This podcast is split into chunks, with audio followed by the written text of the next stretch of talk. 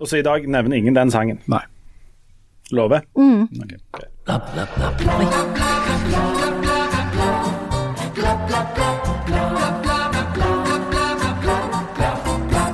Har vi et privat og personlig ansvar for å hjelpe de ukrainske flyktningene, eller skal vi lene oss tilbake og la staten fikse det fra A til Å?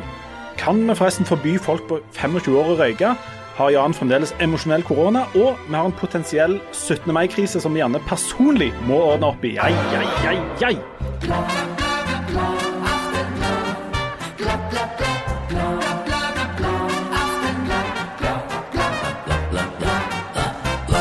Hjertelig velkommen til Aftenbladet. Mitt navn er ja, Who cares? Jeg styrer bare lyden her.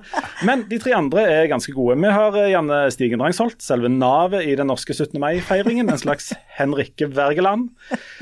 Eh, hei. Har du det greit? Ja. Så har vi eh, ja. Ja.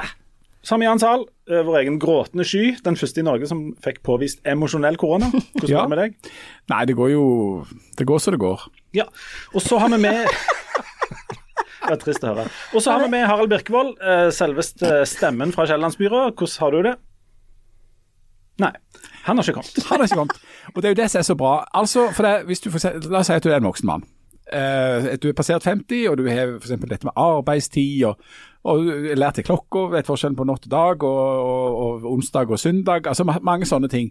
Og det er jo vel ikke sånn rocket science eller eh, sånn du må ha noe slags teoretisk astrofysikk-doktorgrad for å f.eks. klare å møte opp i et studio på det tidspunktet vi har avtalt. Og Dette kan jo ha flere årsaker. Jeg eh, tror kanskje han er død. Ja, Hva tror dere? Ja, jeg tror kanskje han er død. Jeg tror det, ja, jeg tror det. men du Jan er jo veldig vant med å komme for seint. Ja, men jeg kommer alltid eh, sånn, i en sånn en timinutters radius. Ja, er det, for, er det dette akademiske kvarteret du har fått internalisert i kroppen, at det er blitt en del av organismen din? Jeg kan si hva det er, og det er at jeg er enormt redd for å vente. Ja, For at jeg Og- skal bli stå... Oi! Der går døra opp. Der har vi jammen Der kommer det inn en kar i Er det sånn snekkerbukser som folk har i sandkassen? Så fin du er. Det er, altså det er selveste stemmen fra Kiellandsmyra. Vår egen eh, Toralv Øksnevad, Ja. Hello, for de som tar den referansen. Er dette hjemme... jeg vet ikke hvem Toralf Øksne var. Men Det var ikke det han som var stemmen fra London under krigen? Var det det? det han heter. Alt er vett, Leif Tore.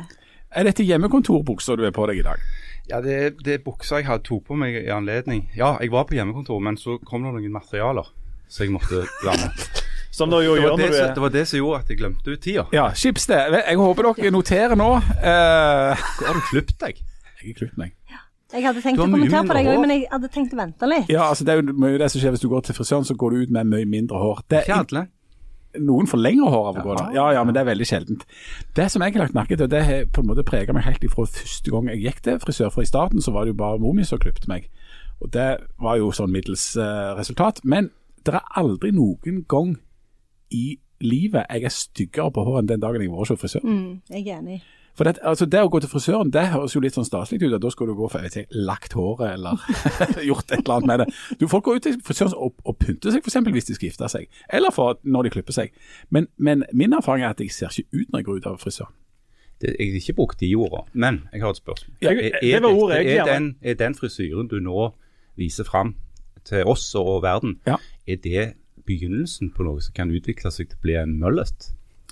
Jeg er veldig usikker på hvem møllet er. høres ut som en fisk. Langt i nakken og kort oppå. Fotballhår. Nei, hun tok faktisk ekstra i nakken eh, i dag, sa hun. For det, nå hadde det blitt langt der, sa hun. Så hun tok, tok litt ekstra der. Jeg, jeg har jo vokst opp med en møllet. Jeg Ja. la jo all stolthet i eh, 80- og 90-tallet, ja, 80-tallet i å utvikle en skikkelig flott eh, hockeyfrisyre. Det var jo, det var jo fineste mote på Bryne.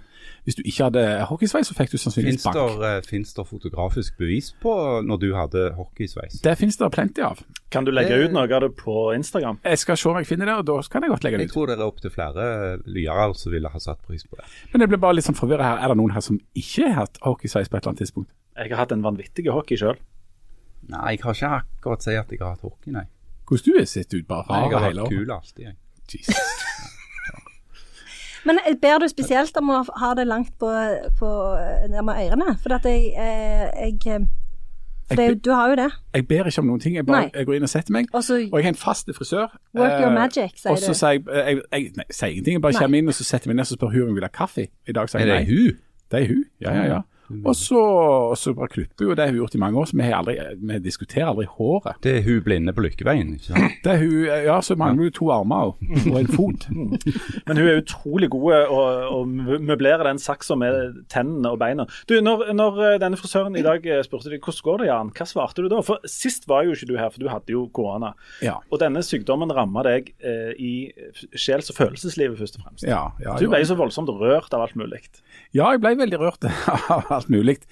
Jeg, jeg, er vel, jeg er vel på vei tilbake mot et iskaldt eh, og, og kynisk nihilistisk eh, verdenssyn nå, men det, men det sitter bitte lite grann i, akkurat som det sitter bitte lite grann i stemmen. Men jeg tror ikke det er sånn long covid sånn egentlig. Men, men, men jeg har blitt Jeg har tenkt mye på det, om, om det var viruset eh, i seg selv, eller om, om hva det er for noe, eller om det er en sånn djuppsykologisk at jeg er blitt så emo i det siste. Men jeg, jeg har jo rett og slett blitt litt sånn satt ut av denne krigen. Og jeg lurer på om det er sånn djup greie for at jeg gikk rundt og bekymra meg for atomkrig hele 80-tallet, at det har på en måte dukket opp igjen, den der angsten. da. Eh, og Hvis du, når, hvis du da i tillegg får litt emosjonell korona, så går du rundt der sånn lettrørte og, og, og, og, og kjedelig i, i kjelleren i det uendelige. Men du har ikke begynt å lese Nostradamus igjen, sånn for å liksom sjekke om han sier noe om en sput inn, eller Nei, og jeg, jeg må Snutin. Og, og, og, og, jeg, og jeg følger jo rådet som psykologer har til barn. Eh, eller til foreldre Ja. som med barn, at en må, en må skjerme litt og en må porsjonere Ja. litt ut. Sånn at jeg, jeg leser Jeg bare setter av noen tider til dagen der jeg kan lese om hvor dårlig det går. Så kan litt sånn, Slik snakker du med deg selv om krigen. Ja, nettopp det. Den, jeg leste nemlig mm. Slik snakker du med barn om krigen. Den, snak, den leste jeg, og tenkte slik snakker du med deg selv om krigen. slik Men snakker altså, du med Jan Sahl om krigen. der er er, der er noe som noe jeg brenner voldsomt inne med her. Ja. Og det er hva har dere sagt om meg før jeg kom? ingenting. Vi skulle egentlig snakke om meg litt, For det er alltid når jeg ikke er der, så gjør det. det. Du, må, du blir rett og slett nødt for å høre podkasten for å finne det Nei, ut. det blir Vi, å gå for langt. vi uttrykte et dypt savn, eh, både etter dine personlige og faglige egenskaper. så sa vi at vi håpte du kom Hva snart. har dere sagt? Ingenting. Ingenting. Men Det er bare, det er bare å begynne å glede seg. Begynne da får vi en lytter. du, på mandag denne uka her, så eh, Mandags morgen klokka 6.32 så var det et jordskjelv forbi vestlandskysten. Ja. Og det var jo såpass kraftig at jeg sov gjennom det uten noen særlige problemer. Eh, var det noen av dere som la merke til det? Ikke i det hele tatt. Og det verste er at jeg våkna omtrent akkurat da, men jeg tror ikke jeg våkna av det. Og jeg, og visste, jeg vet ikke om det hadde skjedd akkurat, eller om jeg våkna av det, eller hva det var for noe, men jeg fikk ikke med meg at det hadde skjedd noe før på en måte alle begynte å snakke om det når jeg kom på jobb. Alle i min familie merker det, og satt og snakket om det rundt frokostbordet. Jeg merker ingenting. Jeg våkna ikke eller noe. Men merka de det etter de hadde hørt om det? Nei, eller fordi at eh, eh, mannen min var sånn Det må jo ha vært et jordskjelv. Og så var jeg sånn Hæ? Og så, så det, det rista visst ganske godt i huset, ifølge de andre. Merket ingenting. Men jeg syns det er en veldig blanding av dramatisk og helt udramatisk. For det var det at det buldra litt, og så skjedde det jo ingenting. Det var ingenting som ble ødelagt, og det var ingen som datt ned. for Jo, noe. det var en babykål som datt ned på gulvet på, på Kvål. Og det var det, ja. mener det var, Ja. Eller var det på Jørpeland? Ja. Iallfall så datt det ned en babykål. Og det var en sengegavl som rista inntil veggen. Ja. Men vi er, jo da, vi er jo da i avdelingen for nei, nei, nei. nei. På grunn av ja, ja. ja, sånn, jordskjelvet. Ja. Men det er jo, eh, nå er jo befolkningen delt inn i ei sånn A-gruppe og B-gruppe. For det du føler deg jo litt dum når du ikke har Når alle har kjent dette Ja, det, jordskjelvet. dette må jo ha vært et patetisk skjelv. altså, jeg, jeg, har, jeg, har vært, jeg har vært ute i, for jordskjelv personlig sjøl, men det var i Tyrkia. Og det syns jeg da den gangen var et ganske stort jordskjelv. Det var sånn at jeg, gikk ut på gata og var litt sånn oppspilt og spurte hva var det? Og så alle var bare sånn hæ? Det var jo bare et lite jordskjelv. Er det noe å bry seg om? Gå og sett deg igjen. Så gjorde jeg det. Så jeg tror ikke tyrkerne hadde vært spesielt imponert av Nei. det jordskjelvet som vi hadde nå, da. Jeg har dødd i et sånn jordskjelvsenter en gang. Selvsagt. Fordi Ja, ja, at eh, jeg var på sånn utveksling i Japan, og alle de andre som var på utveksling, de fikk lov å reise og se på sånn kirsebærblomstring og sånne ting. Men hun, mora mi, da, hun tok meg med på det lokale jordskjelvsenteret. Hvor en eh, pensjonerte brannkonstabel først eh, lot oss krype gjennom en sånn røyktunnel. Alle hadde lommetørkle utenom meg, så jeg holdt på å dø av det. Og så skulle vi gå inn i et sånn rom hvor det ble jordskjelv. Og da døde jeg med en gang, for jeg fikk en sånn hylle over meg. Mens alle de andre overlevde helt fint. For de visste hva de skulle gjøre. De krøp under bordet. Når de visste hva, så utgjør en vellykka ferie, altså. Det må jeg si. Ja. Var dette en slags turistattraksjon? Eller? Ja, og så var det gratis, for de fikk jo penger, disse familiene. Så det å ta med folk på sånn eh, kirsebærblomstring, da må du jo gjerne kjøpe det i lunsj og sånn, mens vi kunne ta med matpakke og gå ned på den lokale brannstasjonen, var jo gratis. Og det døde et jordskjelv. Ja. Men vi burde heller kanskje ha innført et eller annet, et eller annet sånt senter her, for jeg syns dette er egentlig ganske kjedelig til å være så dramatisk. Ja, det er akkurat det. Jeg var veldig skuffet over hele jordskjelvet. Men Ja. altså 4,5 på Richters skala. Sier det deg noe? Ja, det sier meg noe, for jeg har lært uh, om sånne eksponentielle skalaer og sånt. Og det høres uh, nokså mye ut, men det er bitte, bitte, Bitte lite. bitte lite. Ingenting. Så jeg eh, mener at vi kan ikke kalle det et, eh, et jordskjelv. Og, og jeg mener sånne naturfenomener Men hva skal vi kalle det da? Nei, men jeg mener, Jordnys?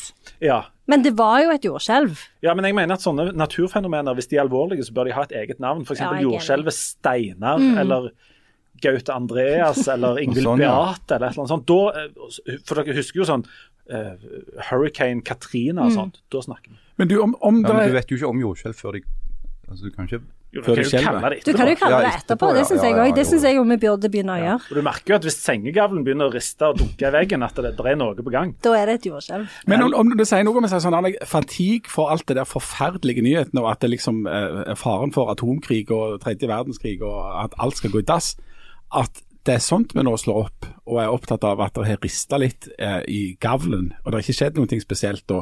altså, vi, vi, vi er jo kommet til et sånt punkt der liksom, vi begynner å snakke om sånne vanlige ting eh, som ikke er så dramatiske, og ikke, der det er strengt tatt nesten ikke skjedd noen ting, istedenfor da å Altså, nå har det gått fire uker med bombing og kriging og sånt, og 80-90% av Mariupol er lagt i grus.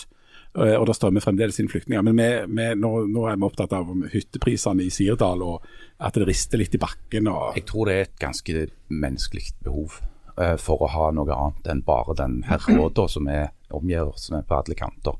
Sånn at om vi har noe om hytteprisene i Sirdalen eller et eh, nokså tamt jordskjelv, eller som NRK forleden kveld hadde om bunadene som har blitt for trange, så er det nokså Jeg lever godt med det personlig. At det går an å være litt sånn yin-yang.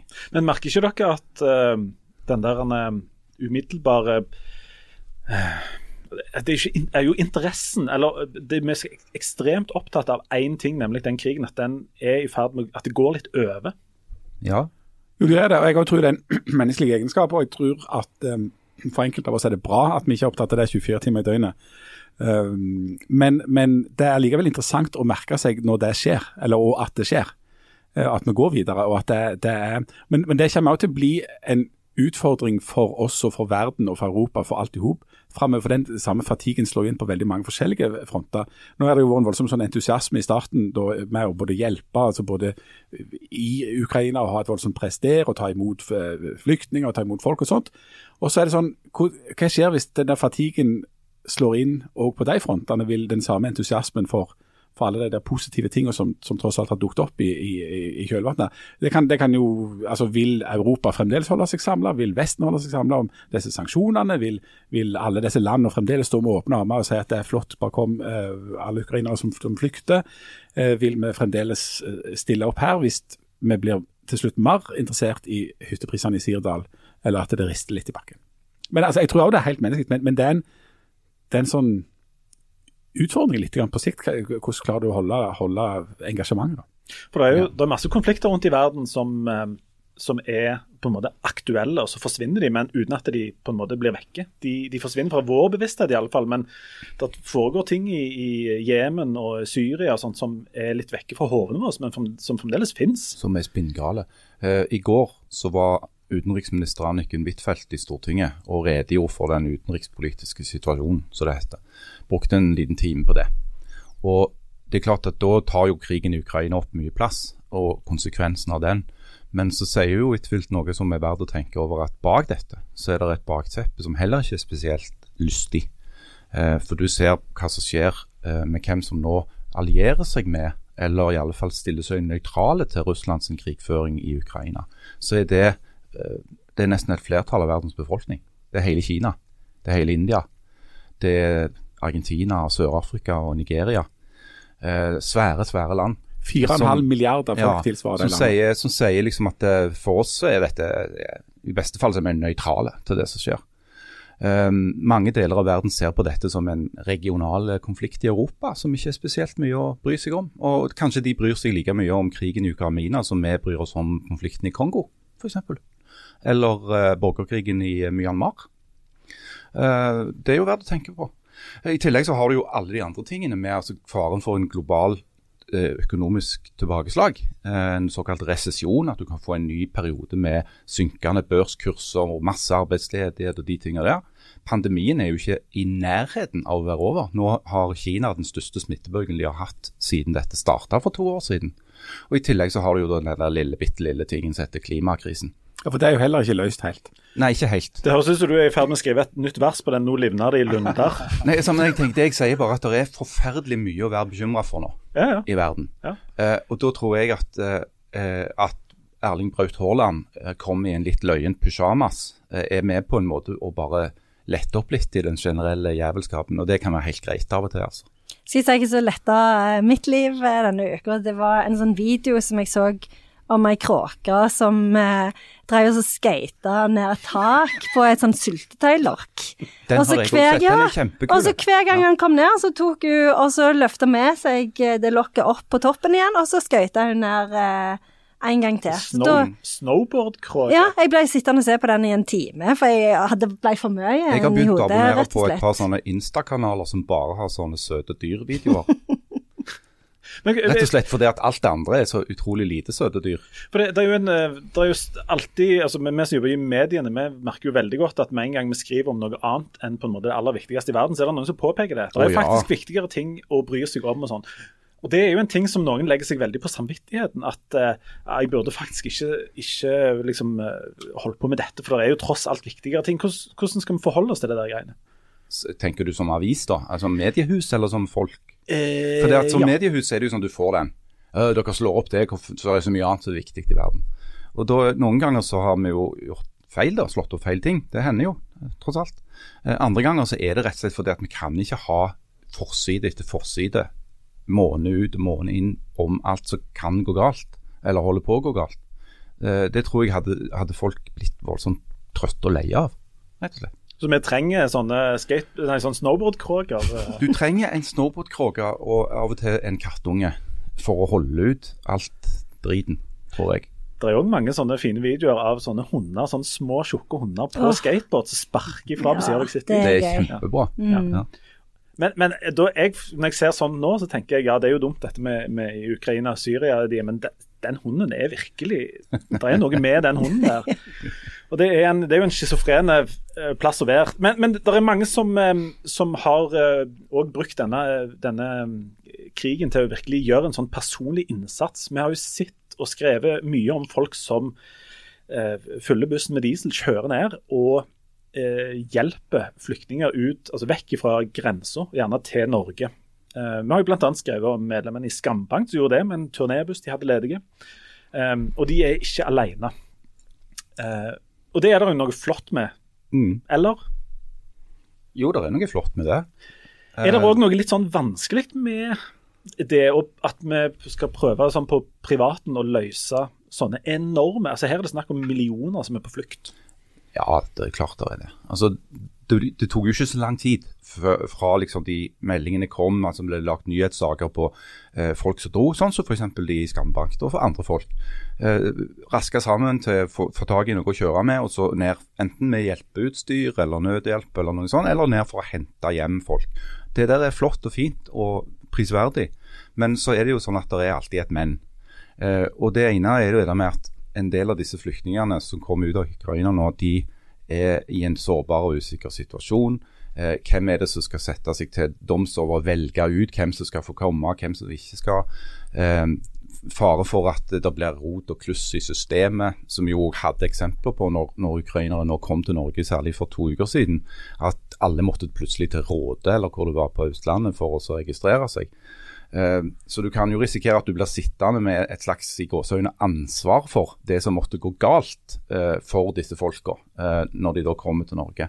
Så jeg tenker jo det beste er jo at dette skjer gjennom profesjonelle kanaler, enten offentlige eller profesjonelle hjelpeorganisasjoner. Sånn i prinsippet, i alle fall. Jeg har tenkt på en bok som heter 'Å tenke fort og langsomt' av en som heter Kahneman, en amerikansk psykolog. Um, og Det henger jo litt sammen med tida som går etter at noe sånt, en krig f.eks. har begynt Den første reaksjonen er veldig sånn magestyrt og veldig sånn instinktstyrt. Sant? Vi må gjøre noe, um, og så, fyller du diesel på, på, bussen og kjører av gårde for å liksom gjøre noe helt sånn konkret. Mm. Uh, samme måte med, med dette med sånn kulturboikott. Ma magefølelsen er med en gang at uh, ja, vi, må, vi, må, på en måte boikotte alt som er russisk, og vi må liksom stenge de ute på, på alle slags vis.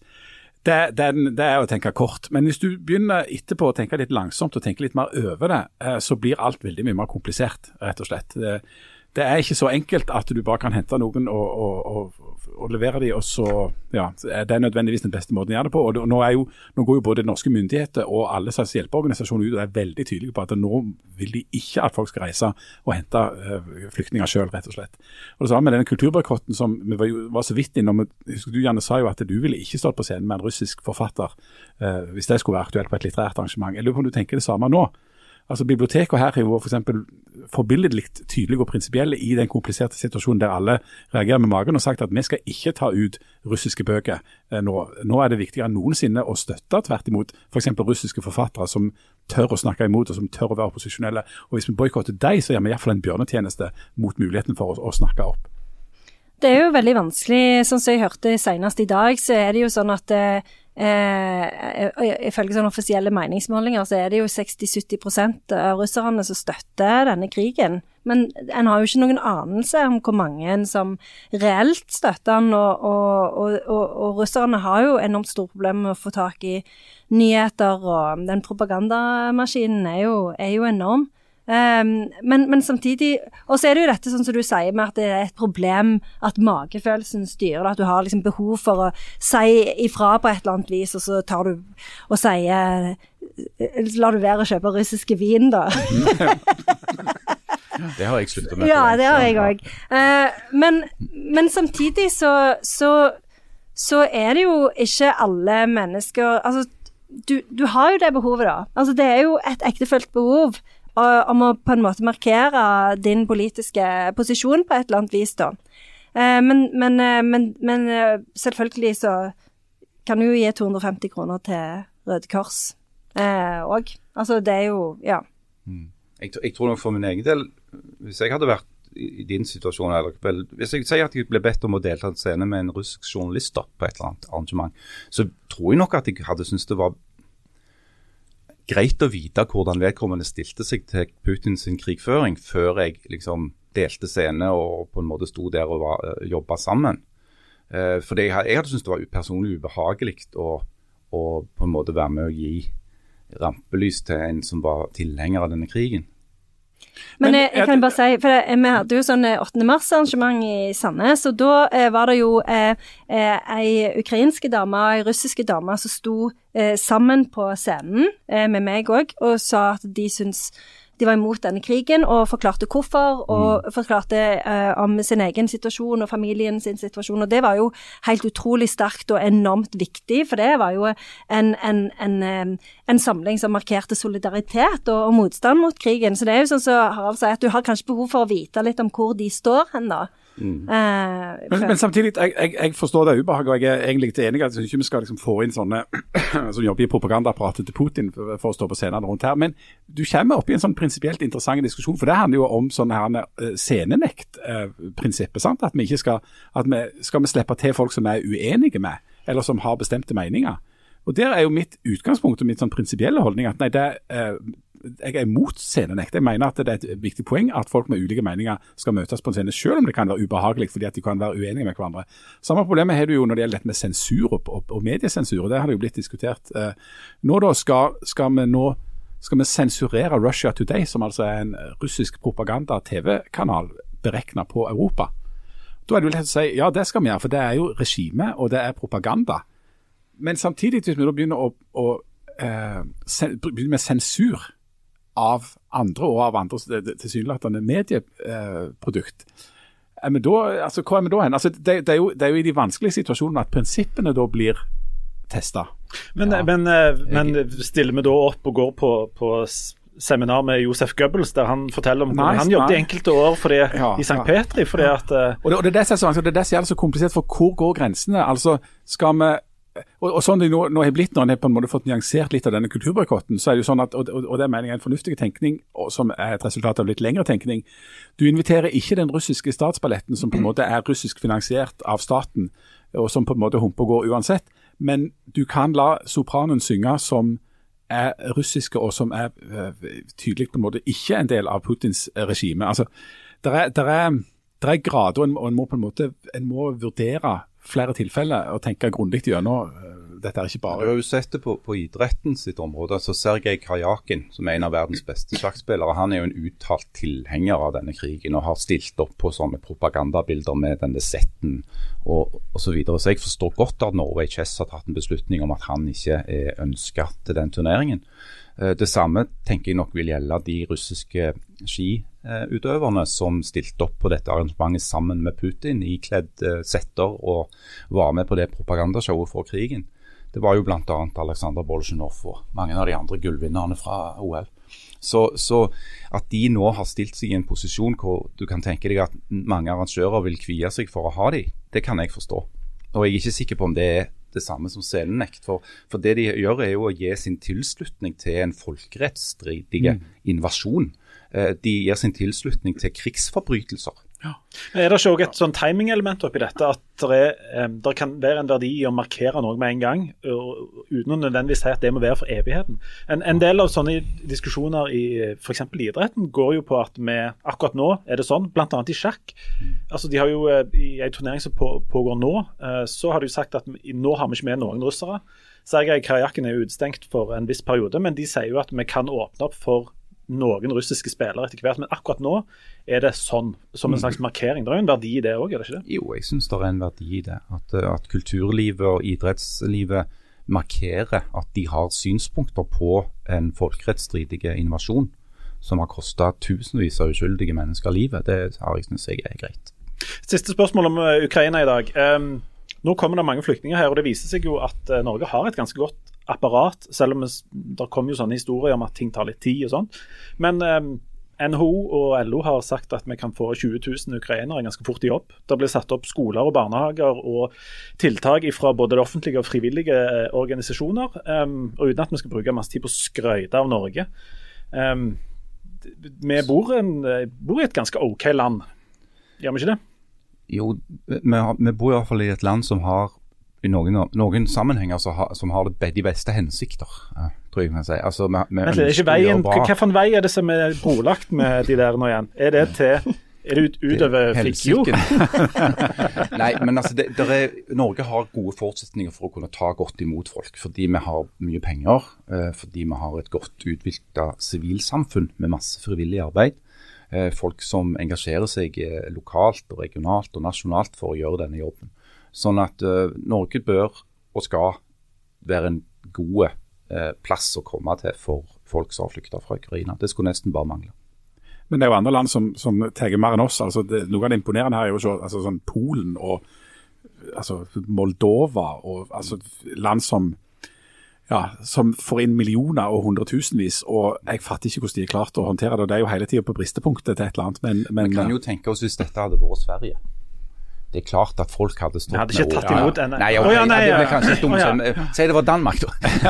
nei, altså, Vi hadde jo selvfølgelig åpna grensene våre for svenskene. Mm. Eh, Det samme gjelder jo altså dette, dette lille området der nede, eller lille og lille, det området der nede, Polen, uh, Ukraina, Hviterussland, Slovakia.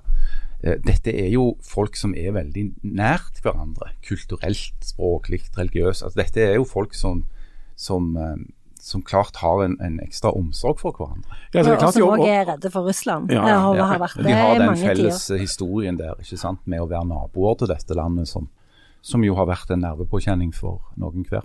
ja, så klart, det- klart En åpner grensene, men en annen ting er jo på en måte å håndtere det rent sånn praktisk, da, for det er jo det som er utfordringen her. Men heldigvis så står jo eh, EU òg klar Ja. med eh, store overføringer. Eh, denne krisen har jo samla EU på en måte som ikke EU har vært samla på på ja, gudene vet 20-30 år. Ok, Vi gir oss eh, der vi skal ta en kjapp pause. Når vi kommer tilbake igjen, så skal Harald få skinne på ymse vis, eh, siden du kom litt skjevt ut i dag. Um, vi Hva var det dere sa før? Vi har ikke sagt noen ting. Vi savner deg dypt, og at du på en måte er eh, Navet. Navet, skjermen Åh, og tuntreet i en ellers vaklevoren skog. Og Sydstjernen i vår manøvrering, i vårt moralske kompass. Vi sa sånn, hvis, hvis, vi hadde vært en, hvis vi hadde vært en treenighet, så hadde du vært alle tre kanter. Ja, du hadde det. Du hadde, det. Du hadde vært den linja som holder treenigheten sammen. Ti stilt. Du er vårt lymfesystem. Eller, nei, det ble Vårt fyrtårn, der vi, pausen der vi var i en seilas i storm og mørke ute på havet, så er det et eller annet som pause. blinker. Vårt bankende hjerte, Harald. Vi sang faktisk sangen 'Navnet Harald blekner aldri'. Vår aorta. OK, kjapp pause, så kommer vi tilbake med Harald Birkevolds spesial.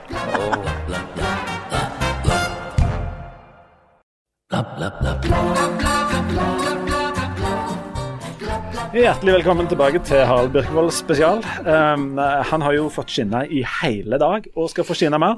Uh, men før det, jeg må spørre dere om en ting som jeg beit meg litt merke i. Som òg er en idé fra utlandet. Jaha. Eh, jeg satte meg ned for å, å lese litt om Danmark og New Zealand sin, uh, sine tanker om å få ned nikotinforbruket, som jeg syns er litt sånn prinsipielt interessante. Der har de en slags idé og plan om å hvert, hvert år øke aldersgrensa med ett år eh, for kjøp av nikotinprodukter. Og Målet er at ingen etter, eh, som er født etter 2010 f.eks., skal begynne med nikotinprodukt. For det at de rett og slett ikke har lov å kjøpe det? Ja. Eh, Det vil si at du kommer i den situasjonen at 19, 18, 19 20, 25-åringer ikke skal få lov å kjøpe dette. For å bli kvitt med et enormt folkehelseproblem. Sånn at på et eller annet tidspunkt i framtida så en tenkt Harald Birkvold, da 52. 52 kunne ikke kjøpt Du er en for liten. pakke snus til min, ja. min gode venn Jan Zahl, som var 51. Du måtte fått far din til å gjøre det. Jeg måtte fått faren min. Du måtte faktisk det. Ja, på 93. Ja, så, ja akkurat. Men dette Det høres ut som en grævlig rar ting. Ja, det høres ut som Ja. en voldsomt Men litt gøy. Ja, og så er det en ganske sånn, det er ganske sånn hard lut mot et stort problem. Det Eh, er ikke ofte at jeg hisser meg opp mot formynderstaten, men nå kjenner jeg at jeg begynner å bli litt forbanna. Nemlig. Ja. Og eh, det var jo den, Vi diskuterte jo tidligere hvilken vei det var som var, eh, var full av gode intensjoner. Her er det jo virkelig de beste intensjoner. Men er ikke dette litt drøyt? Jo. Jeg syns det er litt drøyt. Det, det det jeg synes er eh, noe av det løgneste med det, det er jo at det skjer i Danmark. Altså Danmark, Ja. det var jo der du liksom Det er jo der du kan drikke ifra du er 16, og der er det porno, Ja, det er bare, bare å porno og sexshow yeah. og drikking og, og rød pøs og søt bø og rød, men- hei ja, med ja. rød. En del- Alt det der. Og så, og så blir de plutselig på en måte Nordens eller Skandinavias eh, moralister. Det er litt forvirrende Ja, hva eh, for meg. der? Hva som skjedde der, ja? Et, et annet grep oppi dette er nemlig å øke aldersgrensen for å kjøpe alkohol i Danmark fra 16 til 18. Noe som har ført til enormt med sjau. Og masse, blant annet så, så gikk det ut en bekymringsmelding fra Sosialistisk Ungdom om at uh, dette kommer til å gjøre at uh, ungdomsfestene ble flytta ut til hvor som helst fra utdanningsinstitusjonene og ut hvor som helst. Og, og sånn kan vi ikke ha Ja, men det, Da kan jo de på 16 de kan, må jo bare begynne rett på narkotika da, istedenfor å gå veien via alkohol, sånn som de gjør i siviliserte land som Norge. du, Det er mye sunnere. Ja, og Det kan jo gå, gå voldsomt godt, det der. Men, men, men det er jo sant at det er jo nettopp de gode intensjonene som på et visst tidspunkt kolliderer med et eller annet. For det er jo sånn at det er en hel drøss med ting som er usunt og skadelig. Og så eh, kan eh, en stat se på det og tenke som så hm, det der er usunt og skadelig, hva gjør vi da? Ja, vi forbyr det. Men da, og da kan du jo forby eh, alkohol, du kan forby sukker, du kan forby fett. Du kan forby eh, Krig. Ja, krig burde de forby litt mer. Eh, eller da tobakk. Eh, og Der er det jo en, en grense for hvor langt inn skal en stat gripe inn i privatlivet til folk, og hva slags valgfrihet skal du til slutt få lov å ha. Og Der, der finnes det ikke noe sånn to streker under svaret. Der har jo De aller, aller fleste andre land har jo satt grenser eksempel på i fall her oppe i Norden, da på 18 år for, eksempel, for å drikke alkohol. Der er det jo danskene som skiller seg ut på at du får begynne å drikke tidligere der. Og det er ingenting som tyder på at det er veldig sunt eh, i Danmark. Og det går an å leve gode liv i Norge selv med å bare få lov å drikke fra du er 18 og kjøpe sprit fra du er 20. I Amerika der får du ikke kjøpe alkohol før du er 21. Men det får du kjøre bil, da. Du får kjøre bil når du er 16 Ja. og bli med i militæret, Ja. men du får ikke kjøpe alkohol. Det var veldig mange tall, syns jeg. Men eh, det er jo òg I Norge så er det jo eh, mange, eh, mye sånn at en eh, prøver å forby ting ved hjelp av å gjøre det veldig dyrt. For sukker er jo f.eks. kjempedyrt. En, en melkesjokolade koster jo Det er flere hundre kroner. Nei, Ja, jo? Nei, ja, du får sånn tre eller det. fire for 100 kroner. Så gjør du ikke sånn store Jeg vet ikke hvor mye ting 200 koster, eh, men Å, er det dyrt? Er det? Jeg kan si at uh, du, den europris på tau, der får du fem sånne store plater med melkesjokolade for 100 kroner. Ja, okay. Men, eh, men, Og Så det er veldig billig med eh, har de sukker. der, Lindøy, men en har vel en intensjon om å gjøre det veldig dyrt, har en ikke det? Og Det er jo, den, det er jo en, en måte å komme rundt dette kompromisset på. fordi at Du gjør det dyrt, som påvirker bruken av det. Du senker det, og i tillegg så trekker du inn masse avgifter på det. For det, det koster jo også samfunnet å behandle alle de eh, tjukke og diabetiske alkoholikere. Ja, og så har en jo òg andre tiltak som en bruker i Norge. F.eks. at eh, sigaretter og snus er vel inne i en sånn maskin. Eh, Sånn at det ikke er så lett tilgjengelig. Så har vi jo et vinmonopol, sånn at du får ikke kjøpt vin hvor som helst. Og så har vi åpningstider for øl. Og så det- Så er jo og- Og mange og restriksjoner og sånn som den allerede. snusen jeg har nå, de har jo fått en Den Sala har den samme fargen, som liksom skulle være den styggeste og minst attraktive fargen i verden. Jeg syns det er den fineste fargen de noensinne har hatt. Og så er det jo sånn at Så jeg kjøper jo snus nå ja, så er det jo sånn at, at hvis ingenting av dette virker, og du virkelig må, må dra Nå må jeg ikke bruke feil metafor her, men hvis du virkelig skal dra til innenfor virkemiddelbruken, så setter du i gang en holdningskampanje. Ja, og det Ja, da- synes jeg er kjempebra. Ja, det, det, virker er det alltid på meg. vil. Jeg husker dere, husker dere eh, den uh, Laffen, den røykfri, røykfrie sjiraffen? Nei. Nei. Ja, det var en sånn holdningskampanje blant unger der det var en, en sjiraff som skulle oppfordre folk via eh, sterke virkemidler som linjal etc. Og da var bildet en sjiraff, en røykfri sjiraff. Når jeg gikk på skolen, så hadde vi sånn som kom som ikke hadde strupe og sånn. Så Ja, snakket de de om et sånt hull i halsen og så fortalte jeg om at begynne begynner å røyke. Dette tror jeg vi har snakket om før. Vi vil ikke være med i dassgjengen. Mm, Ja, dass ja. ja. Nei, I et fritt samfunn så må det òg være lov til å gå litt, grann til, litt grann til hundene. Og vi har jo faktisk større problemer enn eh, nikotin å forholde oss til. Enormt mye større. Eh, Blant annet 17. mai. Ja. Vi har fått, Pluss, jeg kan jeg bare si at jeg så vi hadde gått ned på den der lykkestatistikken nå. Hva? Nå er de mye, mye gladere enn oss i Finland. Er det Så, sant? ja. Ja, men de drikker, er drikker jo mye. røyker mye mer og ligger nærmere Russland. Mm, så de har jo mye å være glad for. Finnene feiler noe. Uansett, vi skal jo på 17. mai. Vi har fått eh, en e-post jeg gjerne vil lese. Kjære Janne og de. Hæ? Yes, endelig. Jeg liker det ikke. Dette er ikke fra Geir eller kona til Geir, det er ikke det. regner jeg med. Geir. Dette er ikke fra de. Um, her skriver hun Jeg er en trofast lytter og mor til barn som går på Trones skole. Oi! Oi, oi, oi. Hør etter nå. Hallo, medborger. Jeg gleder meg stort til 17. mai-arrangementet i år med selveste professor Drangsholt som taler. Men nå står arrangementet i fare for å bli avlyst fordi det er for få foreldre som har meldt seg til dugnad på kiosk og aktiviteter. Dette må vi redde. Um, Er det sant? ja. Og nå blir det kanskje litt lokalt her, men nå skal vi inn på dette med dugnadstidene på Trones skole. Ja. Det er to dugnadsøkter blir det opplyst her. Du kan velge mellom 10.15 til 12 eller 11.45 til 13.30. Og skrives det her. Jeg mistenker at mange sitter på gjerdet og venter på en avklaring på når denne talen skal holdes. De fleste vil vel ikke risikere å stå inne i gymsalen som kaffevakt når Janne holder talen i skolegården.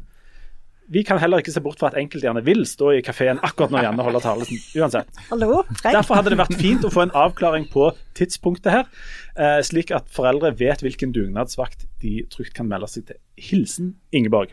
Og skrev et lite PS som jeg tror vi skal ta med. Jeg hadde onkel til sønnen til Kjell Magne Bondevik Bondevik Bondevik, altså Svein, som biologilærer på videregående. Det er jo en Det er jo en brannfakkel, det er ikke et PS. Her var det mye. Ja, her var det veldig mye. Det var veldig mye. Og det som jeg kan si først og fremst, Ja. det er at jeg har, venter òg på avklaring når denne talen skal gå.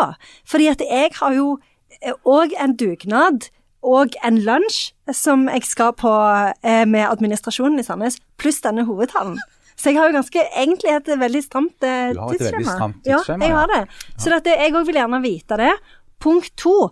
Eh, eh, jeg har hørt fra mange at det er problemer med å få folk til å stille på dugnad på 17. mai. Og det må jeg si at jeg er sjokkert over å høre, og jeg skjønner ikke hva som skal være grunnen. Hva er grunnen til at folk ikke melder seg til dugnad på 17. mai? Det er jo superviktig. Det, er helt, det er kjempekjedelig. det er helt jævlig.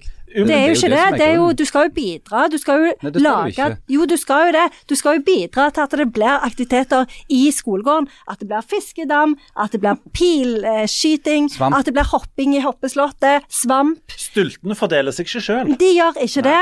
Og eh, den hopper i den der sekken. Ja. Alle, alt det. Det er ingenting av det som gjør seg sjøl. Jeg har hørt akkurat det samme, at det er problemer, eh, særlig nå liksom første forsøk etter korona, der alle sier at de egentlig vil ut og sånt, men eh, Og at det er rett og slett problem med å få få folk til å være med på det dugnadsgreiene. Vi har jo alle vært gjennom dette, her, um, og med sukker og stønner, men, men til og med dere sukkere og stønnere er kjedelig her. Sånn. Har ikke dere tatt deres skjerv i dette 17. mai og sånt, eller har dere sneket dere unna? Ja, altså, jeg er jo i prinsippet for et sånn kollektivistisk samfunn uten eiendomsrett, der alle jobber dugnad hele veien. Men jeg, da, siden Men jeg, da skal være, jeg skal jo være del av partiledelsen, så jeg regner jo med å slippe. Sånn, det, det skal jo bare gjelde alle andre. For Altså, sånn altså, Animal Litt sånn, Farm-assosiasjoner her. ja, ikke bare litt, men det, det er det faktisk akkurat sånn. Nei, Jeg har jo vært med på dette, men jeg er jo, det jeg kanskje har en mistanke om, er at folk er opptatt hvor enormt kjedelig det er med sånn potetløp og litt sånn lunka kaffe og noe sånn pølse der, eh, som er vassende og sprengte og vrengte. alt det der. Folk har jo ikke egentlig lyst til det. Det er bare sånn tvangsmessig fra noen sånne entusiaster som f.eks. Særlig Janne hvis du har inn den siste pulja, de som må rydde. Ja. Det stemmer jo ikke en plass. Ikke Og, og så her er, er, det en slags sånn sendrektighet, eller jeg vet ikke hva det er. At folk er bekymra for at bunaden ikke passer. Jeg vet ikke. Men nå må folk se seg til å melde seg fortest mulig. Folk er bare blitt vel, kommet veldig godt i kontakt med seg sjøl og tårer endelig å være ærlige med seg sjøl. Nei, det har jeg ikke noe tro på. Eh, og skal, er det et sånt et samfunn vi vil ha? Hvor folk sitter hjemme på 17. mai? Det tror jeg ikke. I behagelige sånn klær, i, i joggedress. Nei, ikke, nå Som jeg, ikke strammer. nå, Ikke nå begynner jeg å grine. Så ikke- Nå begynner jeg å grine. Ja, men en joggedress. Eh, Kosedress som ikke strammer ved magen. Det sitter folk Nå hjemme Og så ja. nynner de ikke engang 'Ja, vi elsker'. De Nå spiller noe ikke rock. Gram si engang. La, la, la, la, la, la. Så nå går vi videre på neste evne. Evne. Ja, Men- dette ble veldig sterkt. Men kan ikke du eh, gjerne bare komme med en eh, sånn eh, rett og slett en 17. mai-appell? Sånn at eh, Jo, det kan jeg. 17. mai er et dag hvor vi feirer fellesskapet. Og hvis du har den minste eh, følelse av nasjonal stolthet, så melder du deg i dag til dugnad på din lokale skole. Kom igjen. Takk. Det er en veldig Dette fin ble veldig sterkt for meg, altså. Det Om du gjorde gjorde sånn, Karin. Nei, nei, Kamin. sånn. Å, ja. Nei, men, uh, Han gjorde sånn åndas-tegn. det, men det er jo faktisk sånn Jeg skal gi deg litt støtte igjen. Nå fikk jeg litt black Jeg Altså. skal, jeg skal gi deg litt støtte. 17. mai er jo en av de der tingene som der eh, Hvis alle bare altså Hvis ingen er med på noe, så blir det ingenting av noen ting. Det gjør Og ikke da er jo ikke 17. mai noe annet enn en vanlig tirsdag der en har fri. Det er Så- nettopp det, og det gjør meg så deprimert. Og det er akkurat som alle de tingene. En, en, må, en må bidra, en må ha godt humør, en må eh, få opp stemningen. For det er ingenting som gjør seg sjøl. Det gjelder òg jul og nyttår. Dårlig stemning Og kommer ikke av seg sjøl. Den kommer ikke av seg selv. Men jeg vil bare ha et lite innspill der. Eksempel den sangen 17. mai er vi så glad i. Den går i moll. Altså, hvordan er det 17. mai vi så glad i Du, du tar den tristeste 17. mai-sangen. Alle de andre er jo eh, Mellom Nei. og eng og mo med furutrær, la havet na-na-na til de hvite skjær. Nå finner du på. Nei. Du, 17. mai er som så mye annet. Det eh, blir det du gjør det til. Og hvis ikke no noen med gjør det til, så blir det ingenting, ingenting alls. Eh, men hvis du ble litt eh, deprimert av den eh, der, og, og um, Vi kan jo bare si at folk på Trones må ta seg sammen. Ja, det må de. Ja, men ikke bare Trones, og alle de andre skolene som jeg har hørt om. Og så må, Altså, hvor enn du bor i land og fjell. Faktisk. Og så må Og vi- Li. og vi må få- For ikke å glemme Li. hei. Vi Ja. må Hei. få avklart tid den talen er. og Vi, Ja, kommer, vi. vi kommer tilbake med, med info om dette. Men Ja. Trones-folk, dere må melde dere. Mm. Um, og som sagt, hvis du, hvis du var litt nedstemt nå, så, skal du bli, så blir det altså, alltid Og mulighet for tusen takk til Ingeborg for det innspillet, det må jeg bare si. Ja, det var betimelig. Alt kan bli verre. Som jo er eh, en slags eh, inngang til spalten eh, til Harald. Han snakker kjedelig om ting, men viktige ting, i tre minutter. Eh, og det skal skal du nå i dag? I dag skal du snakke om Jeg foreslår at du tar uh, det norske forsvaret, eller Norges evne til å forsvare seg sjøl mot noe annet enn sprettert og sånn hoppestokk. Ja, og ukvemsord. Ja. Ja. Hvordan er, hvordan er ståa i det norske forsvaret, og hvordan forsvarer vi oss hvis det skulle komme noen? Og så har du jo bedt eh, spesielt om at vi må ha eh, introjinglen. Har jeg det? Eh, ja, det har oh, ja. Det, var, det skjedde før du kom. Ok, Um, forstår. Og det skal du selvfølgelig få, men vi har lagt en litt ny eh, vri på den. Oh, ja? Eh, eh, og vi har lagt en remix eh, denne gangen. Den fram skal vi framføre live nå. Det er altså Tekno Radio Edit remix av denne. Skipet i barn. Der jeg eh, Jeg kan ta på meg og legge et, et godt eh, litt sånn tekno-grunnlag, mens Jan og eh, Janne tar intro. Så nå får dere tre kjedelige Harald, Birkvold-minutter. Er dere klar?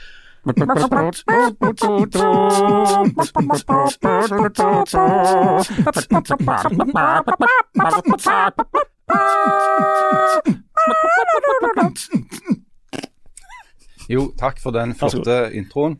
Eh, tre minutter om Forsvaret, ja. Um, OK. Du kan ikke bruke opp all tida di på å si at du skal ha tre minutter om Forsvaret. Da kommer du aldri i gang. Nei, nå skal jeg begynne. Ja. Eh, krigen i Ukraina har utløst Vent litt, Skal jeg ta tida fra jeg sa at du begynte, eller du sa du begynte? For det blir to helt forskjellige ting. Bare si når jeg skal begynne, du. Vi har begynt. Ok, Krigen i Ukraina har utløst en debatt om eh, Forsvaret i Norge. Om det er godt nok og stort nok og bra nok finansiert. Eh, det var nok en debatt som var på overtid og skulle komme. fordi at det som har skjedd de siste ti åra ca., det er at det har foregått en stor nyorientering i Nato. Etter at den kalde krigen ble avslutta på begynnelsen av 90-tallet, så endra Nato, og særlig USA som den viktigste staten i Nato, eh, politikken sin eh, og begynte å, å føre krig i fremmede regioner. F.eks. i Midtøsten, invasjonen i Afghanistan, i Irak. Eh, og gikk, gikk fra, vekk fra det som på militærsk kalles for områdeforsvar. Nå har du sett i Nato og i USA en reorientering der mye av oppmerksomheten igjen har blitt retta til å forsvare eh, Nato sine grenser i øst mot Russland, Nato sine grenser i sør mot Middelhavet pga. flyktningsituasjonen, og i mindre grad konsentrere seg om regimeskifter i fremmede verdensdeler. Eh, men det som da har det det smerter meg å si, men en ting som Donald Trump, den forrige presidenten i USA, den dusten, hadde helt rett i, det var at eh, Nato-landene i liten grad oppfylte eh, betingelsene i traktaten fra 1949 om at eh, et Nato-land skal bruke minst 2% av bruttonasjonalprodukt på forsvarsinvesteringer. Ikke drift, det kom i tillegg, hvert år. Eh, veldig få Nato-land har vært i nærheten av å oppfylle de forpliktelsene, inkludert Norge. Verst i klassen har vært Tyskland. Fordi at uh, Tyskland av veldig gode og forståelige historiske grunner har vært uh, lite interessert i å bruke veldig mye penger på militæret. Lite grann kontroversielt akkurat det. ja. Lite grann kontroversielt, ja. Uh, Så det som skjer nå, når Olof Scholz omtrent samtidig med at Russland invaderte Ukraina, erklærte at nå var denne tørkeperioden for, for tysk forsvar over, og at de skal begynne å ruste opp, så er det av stor geopolitisk betydning. Eh, Så det som nå skjer, det er at eh, det later til å være et ganske bredt flertall i Stortinget for at Forsvaret i Norge må få økte bevilgninger. Eh, Men dette er en treig materie. For å bestemme en ting er ikke det samme som at det skjer. Særlig når det gjelder Forsvaret. Hvor, altså Forsvaret er jo på mange måter en kunnskapsbedrift. Sånn at de, det personellet, de soldatene som skal jobbe i Forsvaret, og eventuelt da, gud forby, bruke kunnskapene sine, de trenger grundig og lang opplæring. I tillegg så er jo dette utstyret i stor grad produsert i andre land enn Norge og må kjøpes inn på langsiktige avtaler. Så det som kommer til å skje i Norge nå, tror jeg, det er at du vil få en ganske rask øking i rammene for forsvarsbudsjettet. Men så blir det en stor debatt, eh, fordi at i Norge, eh, vel, som veldig ofte er i Norge, så blir alt egentlig distriktspolitikk til slutt. Eh, og forsvarspolitikk og distriktspolitikk henger sammen som egg og bacon i Norge. Særlig i de tre nordligste regionene. Fordi at sterke militære til- tilstedeværelse i nordområdene er vår hovedforpliktelse i Nato. Eh, og en sterk militær tilstedeværelse der betyr baser, betyr permanente eh, installasjoner.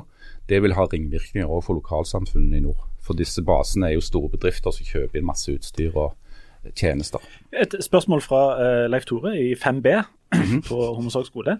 Hvis noen begynner å krige mot Norge, kan vi krige tilbake med dem, eller må vi ringe til USA og be de krige for oss? Det er ikke godt å si.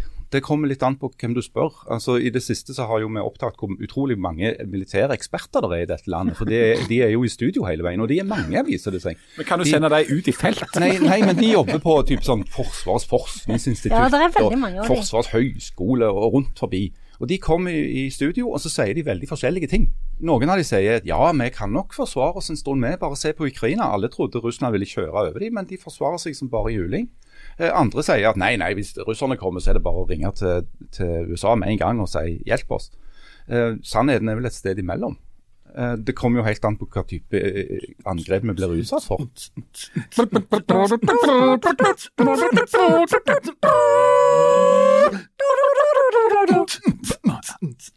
Veldig, veldig fine teknobeat. der. Den var veldig fin og veldig imponerende. Ja, det, var, det, var, det var kjempefint. Er det det de kaller beatboxing? Eh, ja, altså Jeg liker ikke å skrive Eller andre, det får vel bli opp til andre å vurdere om, om jeg er veldig Ja, du er en menneskelig beatbox. Eh, Du Du bør det. kanskje ta en sånn vals en gang. Altså at vi gjør litt sånn som The Wire, at det er den samme sangen, men i ulike oh, versjoner. ja, liksom. det var lurt. Det hadde jeg glemt av at de gjorde. Nei, det er veldig svak da, nå er det bare sånn swing. Det er jo sånn sløy string. Ja, nei, er ikke det. Ja, det er kanskje det. Da. Da, da. Ja, det er sant. Reira, lei, leire. Ser du, ser du hatten? Ser du? Ja, det er akkurat det du gjør. Du, eh, du fikk jo skinne i de tre minuttene der.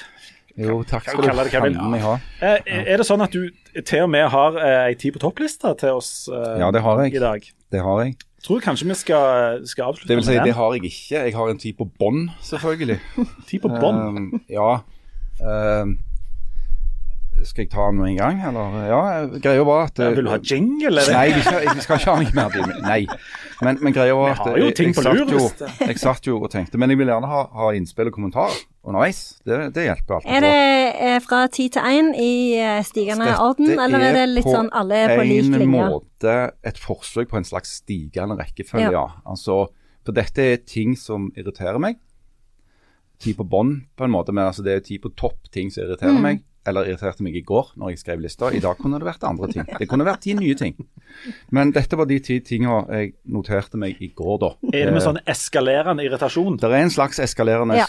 Men det er, det er, veldig, det, det er veldig jevnt her. Og du vil ikke ha jingle? Ikke jingle. Ikke jingle. Men gjerne kommentarer underveis. Men nei, Leif Tore. Eh, da punkt ti. Folk i kommentarfeltet. Særlig han på 68 som tok gullpakken i Statoil i 2003, og nå prøver å få alle diskusjoner, uansett hva de egentlig handler om, til å handle om klimabløffen.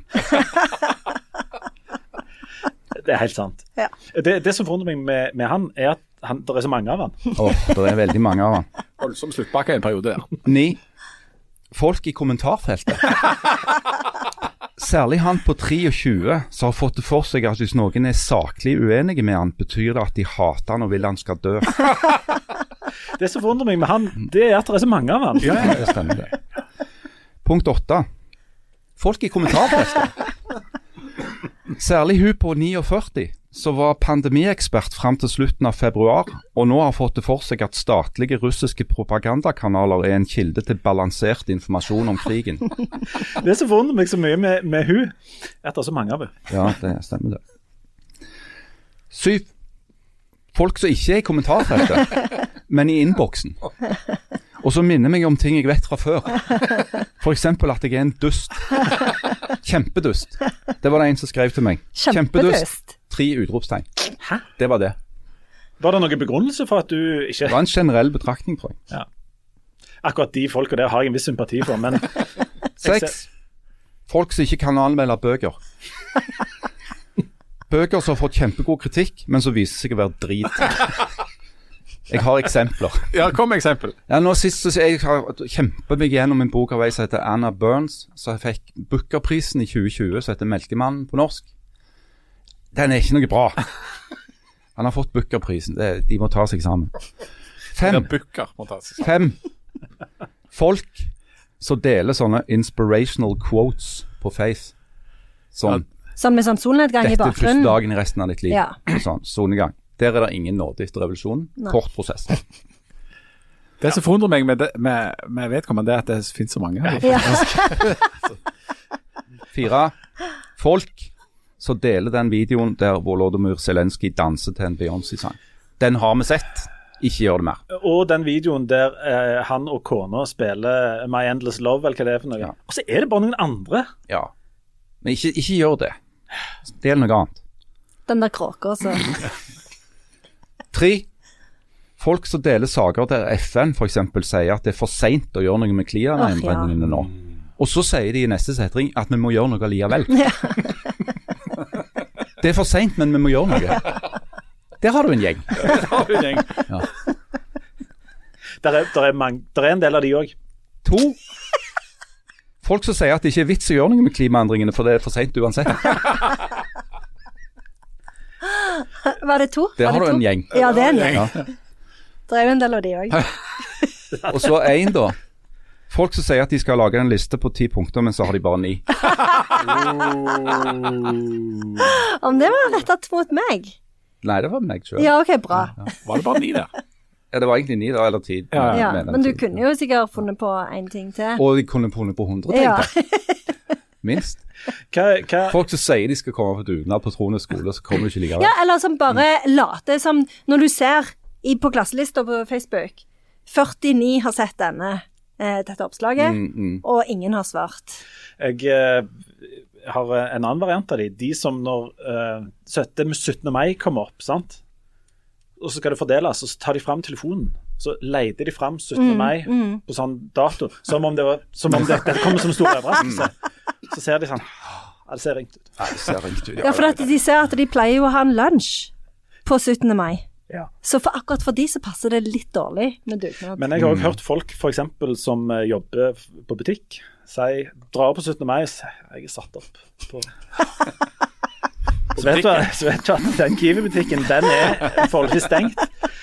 Um, Men det er jo mange som Jeg, jeg har selv vært der at jeg, er liksom, jeg kan ikke gå i den der skolegården og holde på, for jeg skal jo ha 13 mann på lunsj eh, ikke sant? Eh, etter, f før folketoget. Etter? Ja, men det klarer du. Nei, det klarer jeg ikke. Jo. Nei, Da- det- da kan er noen andre- noen andre kan stille gå. opp. Jeg vil jo ikke gå. Nei, nei, altså, men- det er jo en av de tingene jeg er mest glad for av alt i hele verden. Men er hvis du ikke er skal noe, så kan vel du komme Men på det er det Trone at jeg har så skole store unger at jeg og slipper å bry meg om Ja. sånt lenger. men er hvor, la- hvor, langt er dere, hvor langt er dere villige til å strekke dere for å snike dere unna disse tingene? For Det er jo en test på sånn personlig moral. Altså, Hva slags eh, hvite eller svarte løgner kan du, vil du fortelle for å slippe unna? Er du villig til f.eks. ta et inngrep på sykehuset den dagen for å slippe? Jeg klarer å sitte stille i ca. tre sekunder før jeg melder meg eh, til dugnaden uansett. Men jeg bruker jo mye tid å klage på det mens jeg er der. Eh, men det må være lov. Ja, det er lov. Ja. Jeg kunne, jeg kunne tatt livet av en litt sånn halvfjern slektning. For å slippe. Ja, inngifta, eller? Ja, vi var inngift. Ja. Jeg tenkte bare egentlig at du skulle lyge om det, men du er villig til å ta Jo, men altså at du lyger om at du må i en begravelse eller noe sånt. På 17. mai. Det er veldig På 17. vanlig i dag. Du må få med rett til barnetoget, da, så er det Det er så typisk langt. sånn Jeg må, jeg må dra på 17. mai for å rekke fram til 18. Ja. Jeg skulle gjerne tatt den der stultebua, men jeg kom i skade for å drepe onkelen min, så jeg må i begravelsen hans. Eller jeg må i forhør. Så jeg er en kjempegod eh, Ja, nei, jeg vet ikke, jeg. Men jeg syns bare ikke sånn dugnad er noe særlig gøy. Det skal ikke være gøy, det skal være for å ordne det. Pluss at jeg syns jo ofte, med mindre det er sånne dugnader hvor de har kalt inn altfor mange, sånn at du ikke har noe å gjøre på og bare står der og føler deg dum hele tida, det liker jeg ikke. Men sånne dugnader hvor du faktisk trengs og kan gjøre noe, det syns jeg er hyggelig. Ja. Sa det på 17. mai. Alle på Trones må melde seg, hvis ikke så kan vi risikere at uh, Janne sin eh, 17. mai-tall ikke blir noe av. Og, Ja, og det kommer til å bli ekstremt dårlig stemning, det kan jeg love. og du kan ikke risikere at du kun skal ha én 17. mai-tale på 17. mai. Det blir Nei, det ville være helt forferdelig. All right. Da tror jeg vi eh, takker for oss, og så eh, snakkes vi om ei uke. Skal Jan ha topp ti-liste, da? For i så fall Ja, da må jeg vite det på forhånd. sånn Da må dere ta noe, hvis dere tar noe eh, Vival eller Ja, noe Oxycontin eller et eller annet sånt, før dere kommer Sånn at vi er litt Fentanyl. Mm. Litt grann heroin, kanskje. Mm. Men jeg ville bare ha snorta det, tror jeg. De, de ti mest rørende tinga du vet om. Ja. Altså et eller annet. Ja. Vi får se. Ja, Vi tar det om ei uke. Snakkes vi. Ha det. Ha det! La dere merke til at vi ikke nevnte den sangen en eneste gang. Og sekke seg oppi der hvor skitentøyet kaster seg etter skiftet, fullt av svette og røyklukta. Sekke seg oppi der, finner fram denne tynne beholderen. Nesten ikke noe avstand mellom lufta innenfor og utenfor. Men der er hun fanga i en rød runding. Og så bare lar han gå.